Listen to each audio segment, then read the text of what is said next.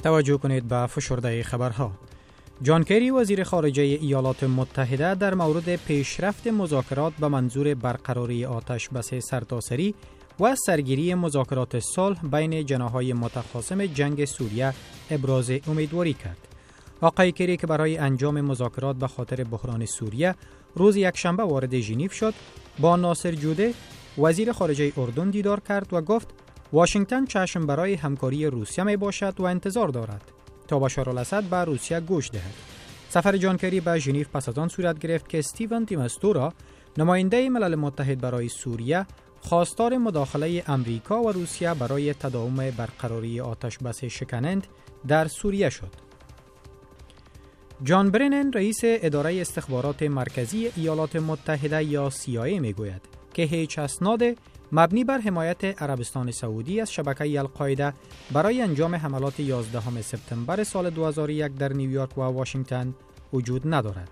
این در حال است که گمانزنی ها مبنی بر دست داشتن عربستان سعودی در حملات 11 سپتامبر سبب شده تا شماری از اعضای کانگرس خواستار نشر یافته های تحقیقات کانگرس در مورد این حملات شوند. یافته های این تحقیقات روی نقش عربستان سعودی و احتمال دست داشتن آن کشور در این حملات متمرکز است.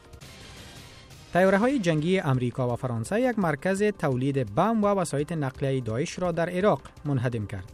وزارت دفاع فرانسه روز یکشنبه با بیان این مطلب افزود که از تولیدات این مرکز واقع در منطقه القایم در مرز بین عراق و سوریه در انجام حملات انتحاری توسط تندروان وابسته به داعش استفاده می شد.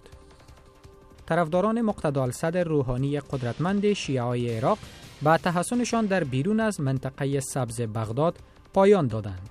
حامیان آقای صدر اما هشدار دادند که در اخیر هفته جاری دوباره تحسنشان را از سر می گیرند و اگر خواسته های آنان برآورده نشود از همه راه های مشروع به شمول نافرمانی مدنی برای به کرسی نشاندن خواسته هایشان استفاده خواهند کرد. مذاکرات صلح برای پایان دادن به جنگ داخلی یمن به حالت تعلیق درآمد. حکومت یمن دلیل تعلیق مذاکرات صلح را اعتراض در برابر تصرف یک پایگاه نظامی توسط حوزی ها خواند. سربازان مستقر در این پایگاه نظامی در شمال صنعا پایتخت یمن برخلاف بسیاری سربازان یمنی تا کنون از هیچ جنای متخاصم در جنگ داخلی آن کشور حمایت نمی کردند. ولی حوسی ها با حمله به این پایگاه چندین سرباز مستقر در آن را کشتند و مقدار زیاد اسلحه و مهمات را تصرف کردند. و آلمان احتمال تغییر سیاست آن کشور در قبال اسرائیل را رد کرد. پیش از این یک روزنامه آلمانی گزارش داده بود که ممکن برلین حمایت به قید و شرط خود از اسرائیل را پایان دهد. چون انگلا مرکل صدر آلمان از سیاست های بنیامین نتانیاهو صدر اسرائیل به سطو آمده است.